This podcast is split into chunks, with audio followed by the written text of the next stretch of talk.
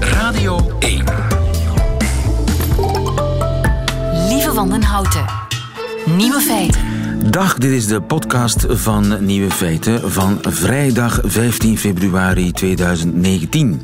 In het nieuws vandaag dat de grappigste taalfouten bekend zijn gemaakt. Taalfoutjes.nl, jawel met een V, is een populaire site. Verzamelt hilarische taalmissers en de fans van de site hebben nu hun hitlijst 2018 bekendgemaakt. Daarop onder meer deze krantenkop. Aantal deelnemers avond vierdaagse loopt achteruit. Op de site van het Algemeen Dagblad stond dit alarmerend bericht. Ook je enkel laten afzetten bij Schiphol gaat straks geld kosten. En iets minder verrassend, maar ook een krantenbericht. Dildo-bende had maar één lid. Tja. De andere nieuwe feiten vandaag. Erdogan ziet overal groententerroristen. In Duitsland luiden in sommige dorpen nog steeds de Hitlerklokken. Een auto op zon en lucht laten rijden proberen ze in Nederland. En kandidaat Belg van Horen ontdekt het fenomeen nationale staking. De nieuwe feiten van Nico Dijkshoorn hoort u in zijn middagjournaal. Veel plezier. Nieuwe feiten. Groententerrorisme. Kent u die uitdrukking? Ik kende ze ook niet, maar volgens president Erdogan van Turkije zit Turkije vol met groententerroristen. Lucas Waagmeester in Turkije, goedemiddag. Goedemiddag. Wat is groententerrorisme? Is dat met de aubergine ten aanval? Ja, nou, dat is wel een goede die je daar noemt, eh, de aubergine. Want dat is nou precies uh, een van die groenten die de grootste prijsstijging heeft uh, doorgemaakt in de afgelopen maanden in Turkije. Van alle groenten, 80% duurder is die uh, dan die een aantal maanden geleden was. Uh, de, de, de groenteterrorist bestaat niet. Uh, die bestaat alleen in in de wereld van uh, ja, soort in constante strijd levende president Erdogan. Hè. Um, in de echte wereld zwicht Turkije op dit moment onder een torenhoge inflatie. De Turkse munt, de lira, die is in waarde gedaald ten opzichte van de euro en de dollar. Dus alles is duurder in Turkije, waaronder de dagelijkse boodschappen. Uh, nou, waar merkt de gemiddelde Turk dat? Bij de groenteman, waar de groenten gemiddeld uh, zo'n 30% duurder zijn dan een jaar geleden. Nou, dat is verklaarbaar door die inflatie, maar dan krijg je al snel, krijgt natuurlijk al snel de regering de, de, schuld. En dat wil president Erdogan voorkomen. Dus hij geeft de groenteman de schuld. En noemt die groenteman dus inderdaad een verrader, een terrorist. En geloven de Turken dat? Sommigen wel. Uh, sommigen zien het als een, als een, als een um, ja, doorzichtige truc van de president. Uh, want ja, die kijken iets verder dan die ene groenteman en zeggen: ja, maar er is toch echt wat meer aan de hand in onze economie. En wat kan de groenteman daaraan doen? Maar er zijn ook zeker wel uh, ja, mensen die president Erdogan eigenlijk altijd wel een beetje uh, makkelijk geloven op wat hij zegt. En uh, we zijn gisteren de hele dag de straat op geweest om, om over dit probleem met mensen te praten. En dan voel je toch ook wel heel veel mensen die zeggen: Nou, Erdogan die staat tenminste op voor de burger. De burger heeft het zwaar. De burger moet overal in de winkels meer betalen. En hij, uh, in zijn retoriek althans, komt hij tenminste uh, voor ons op door uit te spreken dat het allemaal uh, veel te gek is geworden met die prijzen. En het blijft niet bij retoriek alleen, want hij gaat ook echt iets doen in, tegen die groenteterroristen. Zeker, ja. De dreigende taal bleek niet genoeg te werken. De groenteboer zegt, ja luister, als de groente die ik inkoop duurder is moet ik hem ook wel duurder verkopen, anders leid ik verlies. Maar uh, Erdogan die zit natuurlijk wel met een probleem. Hij moet die prijsstijgingen zien weg te houden bij de vooral armere Turken, voor, wie de dagelijkse groenten een groot deel zijn van het huishoudbudget. In die lagere middenklasse, dat is natuurlijk de grootste bulk ook van zijn kiezers. Dus heeft de regering besloten in Ankara en hier in Istanbul uh, meer dan 100 stalletjes op te tuigen. Waar nu door de overheid groenten worden verkocht. Gesubsidieerde groenten dus, uh, voor een veel lagere prijs onder de marktprijs. Dus dat is inderdaad een, een methode om echt uh, ja, de armere Turk de mogelijkheid te geven om, uh, uh, ja, om, dus, om dus voor de oude prijs, ik maar zeggen, de niet-marktprijs, nog steeds groente te kopen. Dus Erdogan wordt zelf groenteboer, bij wijze van spreken. maar kan dat zomaar ingrijpen op de vrije markt? Dat blijft toch niet zonder gevolgen? Nee, nou ja, het is een interessante vraag. Want de AKP, de partij van president Erdogan, is echt de partij van de vrije markt. Hè? Van, van de poorten open naar de wereldhandel, van het neoliberaal model. Onder de AKP is het kapitalisme echt gaan vliegen in Turkije. Dat heeft heel veel economische wind meegebracht in de afgelopen jaren. Maar ook geleid tot privatiseringen, deregulering, wat er allemaal bij hoort. Hè, waar de mensen nu de nadelige gevolgen van ondervinden. Dus een overheid die gesubsidieerde groenten verkoopt, ja, dat is natuurlijk helemaal tegen de eigen ideologie in. Maar ja, het mag natuurlijk wel. Hè. De regering kan dit natuurlijk doen. Hè. Die groenten worden verkocht onder de marktprijs. Dus ergens wordt het verlies wel geleden. En vermoedelijk wordt dat uh, betaald uh, uit de staatskas, uit belastinginkomsten dus. Dus ergens ook in de toekomst gaat dit natuurlijk fout. Dit, kunnen dit kan de regering niet uh, lange tijd blijven doen, want het kost gewoon heel erg veel geld. Maar voor nu is het wel even de stoplap. En natuurlijk vooral een goede PR van de, de president die zegt: kijk eens, ik help jullie uit de brand. Maar de handelaars zijn toch de dupe? Ja, zij zeggen: kijk, ik kan wel voor een lagere prijs mijn groenten verkopen, maar dan leid ik verlies. Uh, ik kan ook voor de marktprijs verkopen, die dus hoger is dan, dan vroeger. Maar ja, dan word ik een verrader en een terrorist genoemd. Dus die groenteman, die handelaar, die zit inderdaad echt klem. Hè? Die, die, die weten ook, veel groentemannen weten ook niet goed wat ze moeten doen nu. Ik heb gisteren een aantal van, ze, van die groentezaakjes uh, ben ik binnengegaan, heb ik gesproken. En daar zeggen ze echt van ja, we zitten enorm in onze maag met, dit, met dit dilemma. Wat, kijk, um, die groenteman heeft er tegelijkertijd ook nog eens een, een, een soort onnatuurlijke concurrent nu bij. Hè? Ja. Veel groenteboeren die zeggen tegen ons: uh, laat ons dan die groenten tegen die lagere prijs verkopen en geef ons het verschil met de marktprijs. Dan hou je die handel in ieder geval in handen van een marktpartij. Maar goed, president Erdogan wil natuurlijk echt zijn punt maken. De inflatie ligt niet bij mij, het ligt aan de groenteboer. Dus iedereen, ja, iedereen moet de schuld krijgen altijd. Maar altijd in ieder geval een ander dan hij. En dit keer is dus uh, ja, de groenteboer uh, de zak. Maar eigenlijk gaat het om inflatie als gevolg van economische malaise. Voel je dat op straat bij mensen? Zijn de mensen arm geworden? Ja, de prijzen zijn gewoon enorm gestegen. En dat komt doordat uh, de, uh, de, Turkse economie natuurlijk heel erg nauw verbonden is met, uh, met de wereldeconomie. en er wordt dus heel erg veel ingekocht vanuit het buitenland. En ja, als je munt veel minder waard is, de lira is veel minder waard tegenover de dollar en de euro dan, dan een jaar geleden. Ja, dan wordt dus alles wat je in Europa of in Amerika of elders in de wereld koopt, wordt dus duurder. Nou, kijk bijvoorbeeld naar die groenten. Die groente moet vervoerd worden. Dat, is, uh, die, dat vervoer moet, de, die, die vrachtwagens, daar moet benzine in. Nou, heel veel van die brandstof wordt gekocht in het buitenland. Dus het vervoer van die groente is gewoon veel duurder geworden. Er moet kunstmest ook gebruikt worden om die groente te laten groeien. Ja, ook dat komt uit het buitenland. Dus ook die kunstmest is veel duurder. Dat maakt die prijs van die groente, dat stuwt de prijs van die groente omhoog. En dat zie je eigenlijk bij nagenoeg alle producten die je nu in de winkels uh, ziet. Dus Turken hebben gewoon voor hetzelfde inkomen hebben ze veel minder te besteden, kunnen ze op dit moment veel minder kopen. En dat voel je en hoor je overal, ja, absoluut. Ja, maar volgens de president is dat de schuld van de terroristen. Dankjewel, Lucas Waagmeester in Turkije. Goedemiddag. Nieuwe feiten.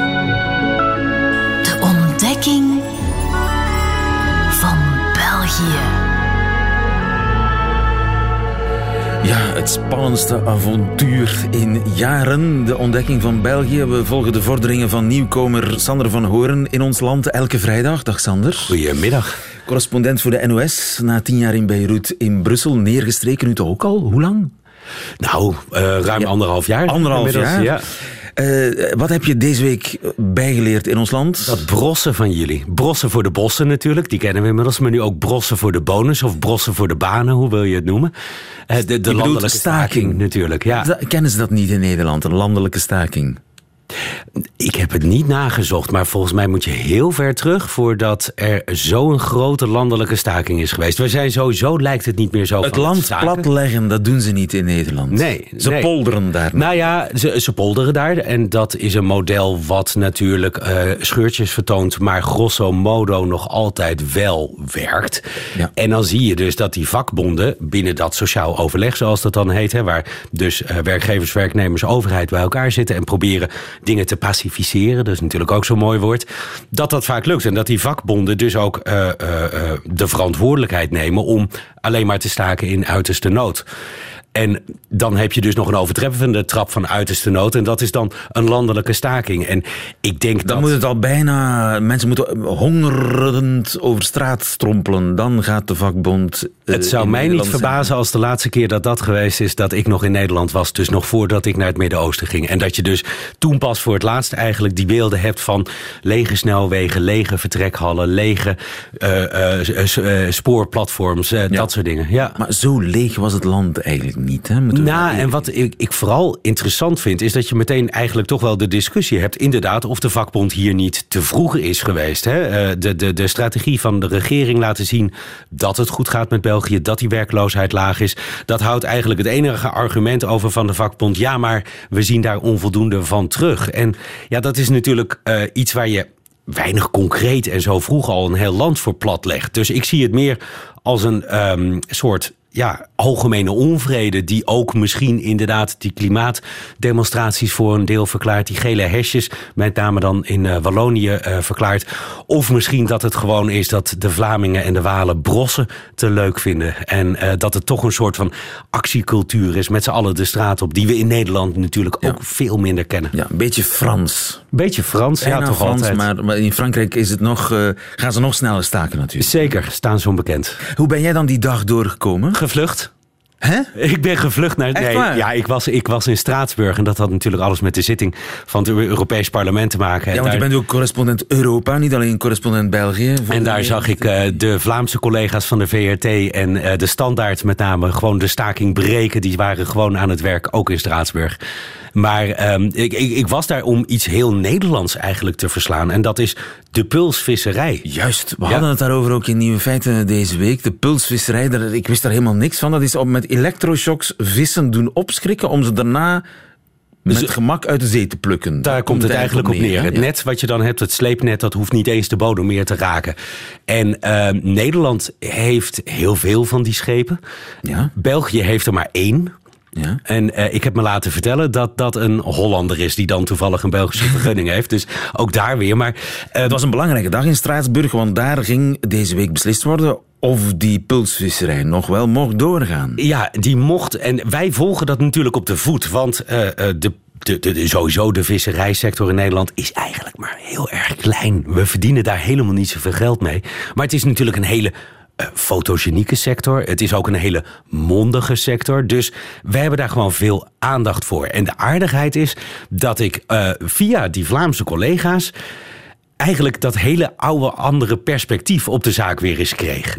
Namelijk? Nou ja, namelijk, kijk, wij, wij zitten er natuurlijk in. Wij weten eh, de families om wie het gaat. We hebben de Europarlementariërs die zich daarvoor inzetten. We doen daar verslag van. En Nederland, daar komt het eigenlijk op neer, heeft vergunningen gekregen voor wetenschappelijk onderzoek.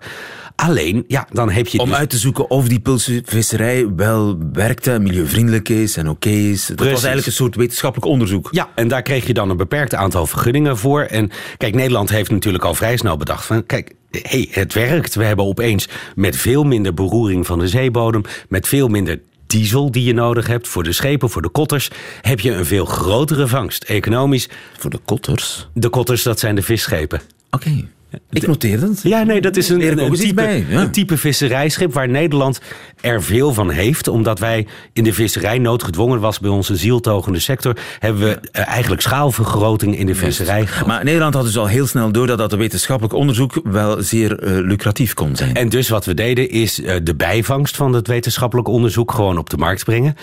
En eh, dat le- levert natuurlijk veel winst op. Nou, dat moet je bij Nederlanders niet doen. Dus wat we hebben gedaan is eh, die vergunningen opgerekt. Dus uiteindelijk hadden we nou vele malen meer onderzoeksschepen tussen aanhalingstekens. Zo Belgisch. Nee, nee, als er winst is te halen. Alleen wat, wat heel Nederlands is, is dat ehm, we vervolgens een beetje nagelaten hebben om dat wetenschappelijk onderzoek uit te voeren.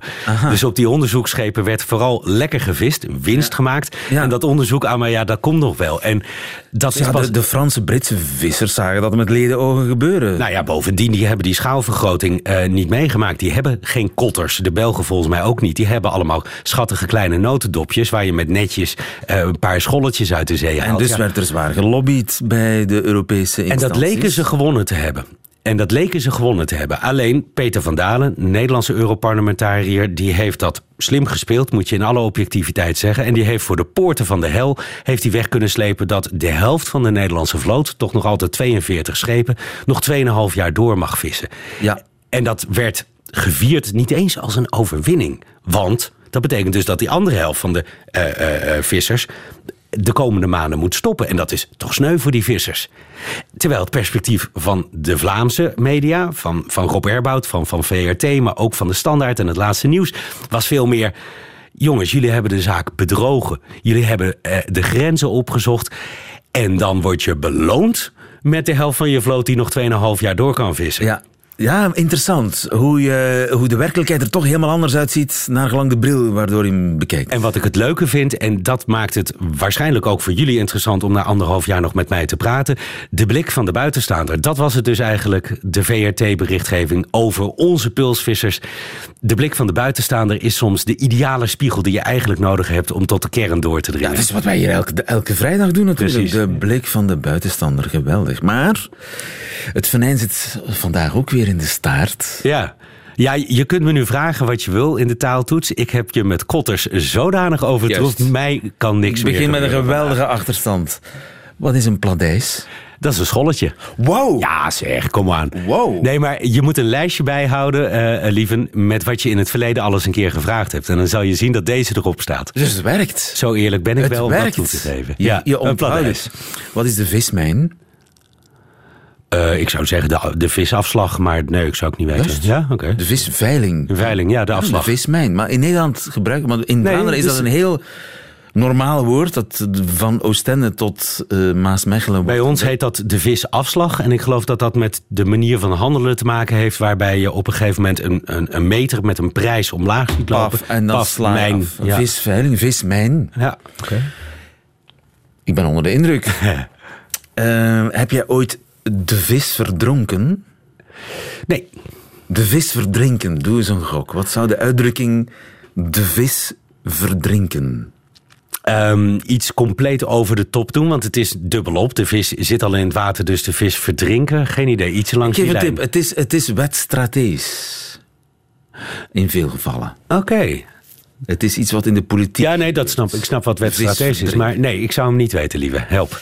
Het is eigenlijk iets overladen met nevenzaken. Het Ah. laten ondersneeuwen. Een wetsvoorstel zodanig overladen met bijkomende maatregelen en uitzonderingen dat zelfs de tegenstanders ervoor kunnen zijn zonder gezichtsverlies. Beetje à la Brexit misschien. À la Brexit, à la Belge. Een compromis à la Belge. Met alleen maar winnaars. De vis in het water verdrinken. Ja, de vis verdrinken. Verdrinken, dat is ja. iets wat uh, een Belgische specialiteit. Weet je, intussen, misschien heb ik hem ook al gevraagd, maar we hadden het over. Wat is een piket? Een piket? Een piket. Dat is Heb een, je ooit uh, piket gestaan? dat is een nooddienst of zeg maar een, een, een, een, een stand-by dienst.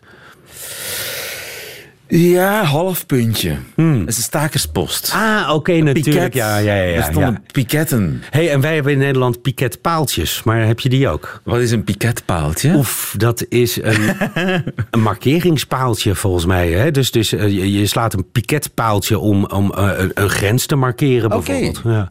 En een syndicaat? Ja, een vakbond, denk ik. Maar niet toch? in Nederland, hè? Nee, in Nederland heet dat gewoon een vakbond.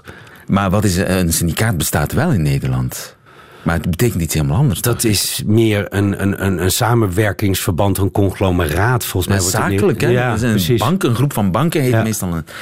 Dat een hier dan misschien weer een kartel Oké, okay, maar dit is dus een, een nieuw feit. Jij begint mij ook uit te dagen ja. over, de, over typisch Nederlandse woorden. Ik juich, ik juich dat toe en ik ben benieuwd, want, want nu wordt het een soort wedstrijd. Lieven op de viskotter, ik zie hem al. Dankjewel. Nieuwe feiten. Altijd benieuwd. In Turingen, Duitsland, is het tegenwoordig allemaal Adolf Hitler wat de klok slaat. Geert van Istendaal, goedemiddag. Jazeker, goedendag. Ja. Auteur van prachtboeken, onder meer over Duitsland. Ja. Er is klacht neergelegd tegen de Evangelisch-Lutherse Kerk van Turingen, de Duitse deelstaat, omdat ja. er nog zes Hitlerklokken zouden luiden in die deelstaat. Ja, zouden, ja, die zouden daar hangen in de torens. Hitlerklokken? Uh, ja, daar staat dan een, een, hakenkruis op naar het schijnt, in relief. En dan dat, dat uh, de naam van Adolf Hitler en dat hij dat geschonken heeft uh, voor het vaderland of zo. Hitler Alleen, voor het zie je dat vaderland. van buiten niet zo goed.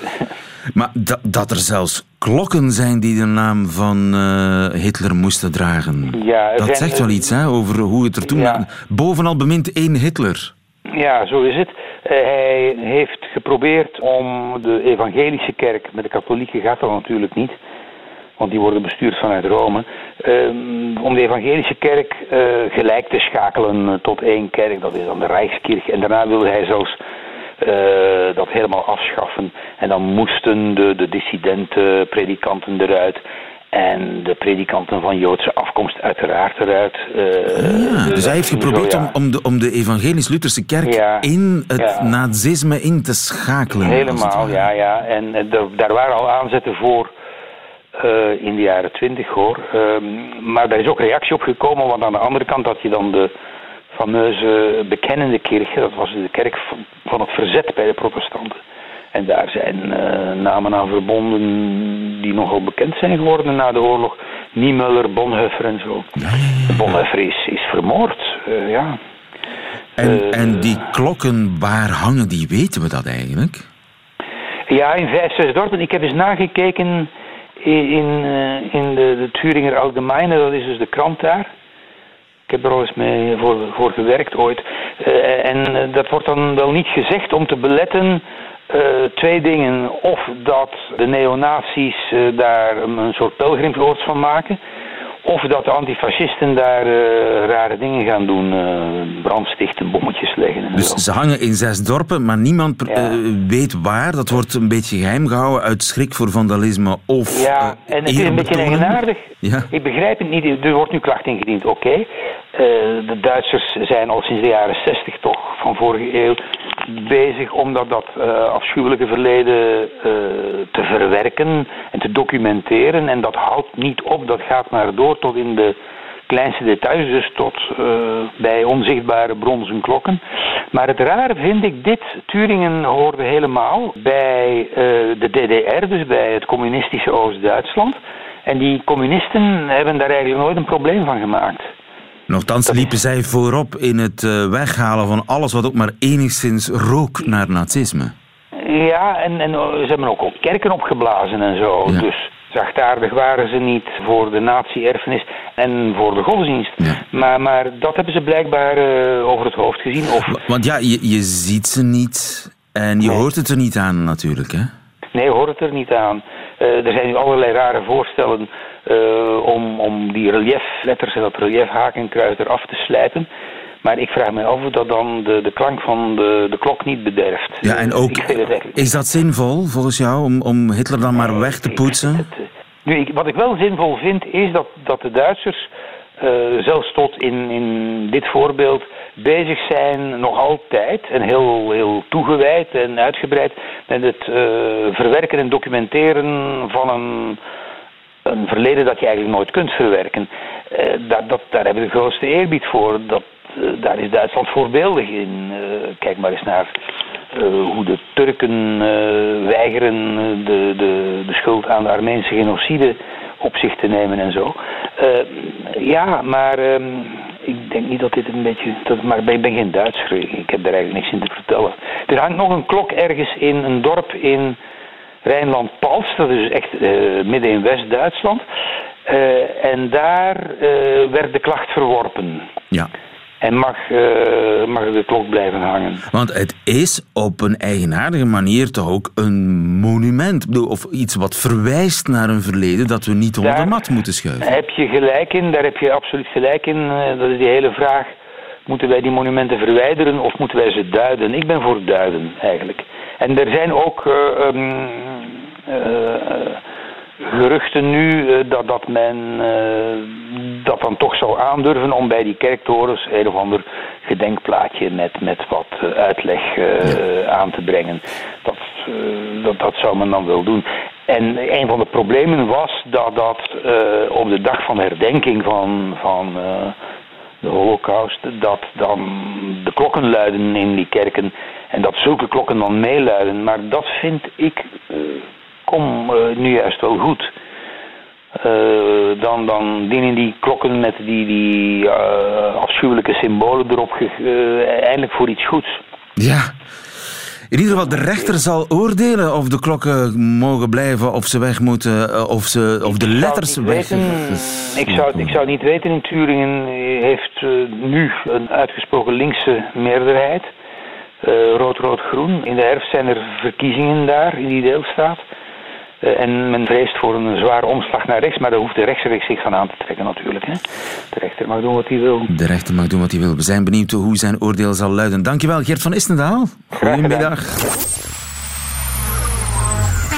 Radio 1. Altijd benieuwd. Nieuwe feiten. Nooit meer tanken en toch rijden. Zou dat kunnen? Wel, dat zijn ze aan het onderzoeken in Nederland. Want misschien rijdt uw auto in de toekomst op lucht. Giel-Jan de Vries, goedemiddag. Goedemiddag. Dag lieven. Leuk bij jullie in de uitzending te zijn. Giulian, jij bent van DIFFER, DIFFER, het Nederlands Instituut voor Fundamenteel Energieonderzoek. En jullie hebben, naar het schijnt, een deal met Toyota om te checken of het kan rijden op lucht. Ja, klopt. We zijn net een, eh, een onderzoeksproject gestart met uh, Toyota. En dat gaat eigenlijk over het, uh, het maken van waterstof, um, gewoon als brandstof, uit zonlicht. En het, uh, het nieuwe aan dit onderzoek is, we staan net aan de beginfase, we zijn net gestart, is dat we geen water gaan gebruiken wat uh, uit een zuiveringsinstallatie is, heeft moeten komen. Maar we gaan direct water uit de luchtvochtigheid, dus uit de omgevingslucht gebruiken. Um, dat heeft allerlei voordelen. Je hebt geen, uh, geen zuiveringsinstallatie nodig. Maar het is een, ja, nog een stuk pittiger. Daarom zitten we nog in de labfase. Dus uh, verwacht niet dat we morgen al, uh, al waterstof rijden. Maar dat is inderdaad de toepassing waar we naartoe werken. Dus je haalt vocht uit de lucht. Yep. Je voegt er zonlicht aan toe. Dus het is ook een yep. beetje een, een zonnepaneel wat er aan te pas komt. Ja, het is eigenlijk een, een gespecialiseerd zonnepaneel. Normaal produceert een zonnepaneel uh, elektriciteit. En ja, daar, daar kun je dan van allerlei dingen mee doen. Uh, het kun je een batterij opslaan, maar batterijen die lopen op een gegeven moment ook weer leeg. Um, of voor sommige toepassingen wil je echt een brandstof hebben. Wil je uh, nou, bijvoorbeeld waterstof hebben of andere chemische bindingen. En wij kijken hier nu echt naar een, een, een systeem wat gespecialiseerd is in zonlicht gebruiken, de energie uit zonlicht. En daar direct die chemische reactie mee, uh, mee laten lopen om water te splitsen in waterstof en zuurstof. Dus inderdaad, het is, uh, ja, het is in zekere zin het, uh, het knalgasproefje hè, van de, de middelbare school. Twee platina-elektrodes in een bak water. Um, maar dan nu met materialen die, ja, die heel erg goed voorradig zijn. Um, en zonder dat je ja, zuiver water nodig hebt. Dus ja, echt we gaan naar de toepassing toe. Het zou fantastisch zijn natuurlijk. Hè? Je hoeft nooit meer te tanken. Je maakt je eigen mhm. waterstof met zonlicht en met lucht. En met die waterstof maak je dan elektriciteit die je elektromotor aandrijft. Dat, want de waterstofauto die werkt zo en die bestaat al. Ja, die bestaat in principe. Um, en uh, een van de vragen is nu hoe gaan we uh, voldoende waterstof produceren? Of eigenlijk hoe gaan we waterstof produceren op een, uh, een schone manier? Um, en uh, goedkoop, zodat het ook echt uh, kan concurreren met andere opstellingen. Ja. Of met andere uh, installaties. En dus voor alle duidelijkheid, ja, die, die auto zou geen CO2 uitstoten, zou niks uitstoten behalve wat waterdruppels. Ja, daar komen dat water, de waterdruppels uit. Dat is dan het, het afvalproduct. Maar ja, is water afval. Um, dus inderdaad, er gaat zonlicht in. het, het water is... het waterstof is, is tussentijds energieopslag, maar uiteindelijk rij je op zonlicht. Ja. Het vraagt natuurlijk wel om een, uh, een flink oppervlak, want ja, je moet dat zonlicht wel uh, opvangen, om gaan zetten. Die efficiëntie is natuurlijk niet 100%. Um, dus ik, uh, ik heb hier nu een foto voor me van het, uh, de opstelling zoals die nu in het laboratorium hebben hier. Nou, die is ongeveer een duim, uh, een duim groot is, die, is die cel. Ik heb even gekeken, daar komt een gram waterstof, of nee, een tiende gram waterstof per dag uit. Um, niet veel hè? Ja, Nee, maar ja, um, het is nog echt in de labfase. Dus we zijn hier aan het kijken, kun je die materialen verbeteren? Uh, wat zijn de bottlenecks? Hoe zorg je voor betere do doorstroom van het waterstof? Um, wat geeft de optimale reacties? Dus echt op dat niveau aan het kijken. Als we dat eenmaal gedaan hebben, dan gaan we opschalen. En dan ga je inderdaad naar nou ja, eh, een oppervlak eh, van bijvoorbeeld je dak. En dat zou dan moeten, voldoende moeten zijn om, uh, om voldoende waterstof voor je eigen gebruik te, te, maken. Ja. En ga je echt een, een auto maken? Of ga je een, een, een schaalauto maken? Wat ga je, waarmee ga je uiteindelijk naar Toyota kunnen stappen, bij wijze van spreken? Nou, Toyota die maakt hun eigen waterstof sedan. Um, dat is het project waar, uh, dat is hoe zij uh, bij ons kwamen. Wat we hier in dit, dit onderzoek gaan, gaan doen, is echt naar de waterstofproductie kijken. Dus dit, dat zal op een dak komen. We verwachten niet dat dat in het, sorry, een dak van een huis. We verwachten niet dat dat het, de, de bekleding van de bovenkant van de auto wordt. Je hebt echt meer oppervlak nodig. Um, dus we, we, kijken hier puur naar een apparaat wat zonlicht naar waterstof uh, transformeert. En ja, dat kan in een, een opslag uh, bij je schuur thuis staan. Waarna je dan vervolgens je auto daarmee uh, mee tankt. Ja, stapje voor stapje gaan. Ja, inderdaad. Mag je heel veel succes wensen daarmee. Dankjewel, Gillian de Vries. Dankjewel. Nieuwe feiten. Middagjournaal. Beste luisteraars. Over enkele weken komt er een nieuw boek van mij uit. En ik dacht dat het een boek over mijn moeder zou worden. Maar het gaat uiteindelijk toch weer bijna helemaal over mijzelf. Tijdens het schrijven herinnerde ik mij dat mijn moeder de zanger Demis Roussos opeens heel erg goed vond en dat verbaasde mijn vader nog het meest. Hij kwam op een zaterdagochtend op mij af en hij liet mij het hoesje van een single zien. Hier, kijk, zei hij. Die heeft ze zelf gekocht. Ik keek naar het hoesje van de single Forever and Ever van Demis Roussos. Zou ze ziek zijn? vroeg mijn vader. Hoezo dan? vroeg ik. Mijn vader wees naar de foto op het hoesje. Hier, kijk dan, zei hij. Dat is een dikke kerel met een zwarte baard. Hij heeft een ketting van haaientanden om zijn nek. Kijk dan, hij heeft een jurk aan. Die man, die lijkt helemaal niet op mij. Dat is toch raar? En dat vond ik nou juist helemaal niet raar. En dat zei ik tegen mijn vader. Ik zei tegen hem: Misschien vindt ze dat sexy. Misschien moet je ook eens andere dingen gaan dragen. Ik zie het wel voor me. Jij met een tand van een grizzlybeer om je nek. Hij luisterde niet en hij zette het plaatje op. Samen luisterden we naar de stem van Demis Roussos. Hij zingt als een vijf, zei mijn vader. Een vijf met een baard onder de douche, hoor dan. Zo zing je dus als je tieten hebt. We luisterden. Demis Roussos zong heel hoog dat hij altijd en altijd van iemand zou houden. En mijn vader werd woedend. Hij liet me nog eens een keer de foto van Demis Roussos zien en die hield hij vlak naast zijn eigen hoofd. Hier, hier, kijk dan, zei hij, als je dit nou vergelijkt. En je kunt kiezen. Een piraat die zingt als een eunig. Of je kiest voor mij, wie zou je dan kiezen? Ik zweeg. Ik wist namelijk heel goed waar mijn moeder voor had gekozen. Voor mijn vader. Maar wat ze Demis Roussos hoorde zingen, dat was waar ze werkelijk naar verlangde. Een kerel met een ruige baard, die toch heel gevoelige liedjes zong. Een man die aan Forever and Ever durfde te denken. En die niet dagelijks bezig was met de bandenspanning opmeten van zijn autowielen. Hoe het met mij en mijn moeder is afgelopen, dat staat in het boek. Maar luisteraars, ik kan u nu al vertellen. Tijdens de begrafenis van mijn moeder klonk Demis zijn liedje. En het voelde rechtvaardig. Demis zong voor mijn moeder en mijn vader, al twee jaar dood, kon daar helemaal niets meer aan veranderen.